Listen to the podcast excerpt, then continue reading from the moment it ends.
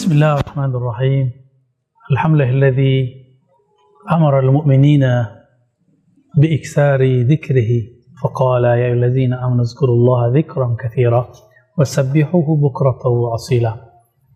والحمد لله الذي أتى بالنبي الصادق بالنبي الأمين سيدنا محمد صلى الله عليه وسلم الذي كان قلبه معلق بالله تبارك وتعالى في كل حين وفي كل زمان Amma ba'du sahabat-sahabat yang makan Allah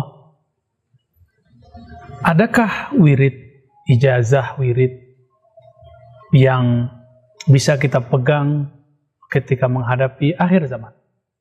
Sebenarnya semua ijazah wirid itu sudah diberikan oleh Allah di dalam Al-Quran, sudah diturunkan lewat Nabi Muhammad, sudah diajarkan oleh baginda Nabi Muhammad kepada uh, semua sahabat-sahabatnya, radhiyallahu taala di antaranya Nabi Shallallahu Alaihi Wasallam ketika ada seseorang datang kepada beliau kakinya bengkak, ternyata kakinya eh, digigit bisa binatang berbisa.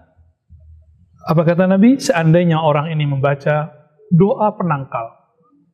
Apa doa penangkalnya? Tentu dia tidak akan uh, dimodorati oleh binatang apa saja, makhluk apa saja. Doanya adalah A'udzu bikalimatillahi tammat min syarri ma khalaq. Aku berlindung aku, diri kita yang zahir, diri kita yang batin, berlindung kepada Allah, uh, di, berlindung dengan kalimah-kalimah Allah yang sempurna dari keburukan semua makhluknya.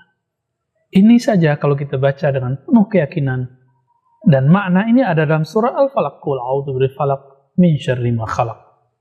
Maka siapa saja yang mau wiridkan ini pagi, sore, ba'da sholat, maka orang-orang ini akan dijaga oleh Allah zahir dan batinnya. Kalaupun zahirnya terkena, batinnya terjaga. Hari ini zaman-zaman banyak orang terkena virus yang zahir, juga virus yang batin. Virus yang zahir, obatnya jelas. Obatnya pun zahir. Tapi jika virus yang mengenai hati, ada rasa was-was, ketakutan, penyakit kolbu, maka obatnya hanyalah doa. Jika virus mengenai tubuh, kita datang ke dokter. Jika virusnya mengenai batin kita membuat kita was-was, membuat kita putus asa kepada Allah, maka mari kita baca doa ini. Baca doa ini pagi, sore, pagi, sore. Bahkan Nabi SAW membaca surah Al-Falaq setiap ba'da salat, setiap selesai salat wajib. Kenapa kita tidak melakukannya? Barangkali karena kita jauh dari sunnah-sunnahnya, maka kita dekat kepada uh, kebencana, dekat kepada kebinasaan. Tapi teman-teman yang makan Allah, seandainya pun kena, Bagaimana bisa kena? Padahal dia sudah berlindung kepada Allah.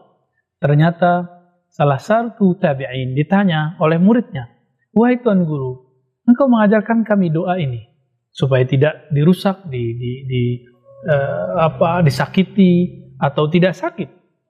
Tapi engkau sakit. Apa kata beliau?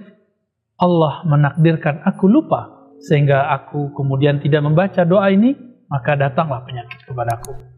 Jadi jika memang sudah takdirnya kita tidak bisa lari, kita tidak bisa lari dari apa pun jika memang Allah sudah menggariskan itu. Tapi doa adalah bagian dari ikhtiar, ikhtiar batin. Kerja, usaha, berobat adalah ikhtiar yang zahir. Dua-duanya kita gabungkan, semuanya adalah power yang sempurna, energi yang mantap. Mari kita mengambilnya. Bacalah doa ini. A'udzu bikalimatillahi tammat min syarri ma khalaq. Wassallallahu ala nabiyina Muhammad Assalamualaikum warahmatullahi wabarakatuh.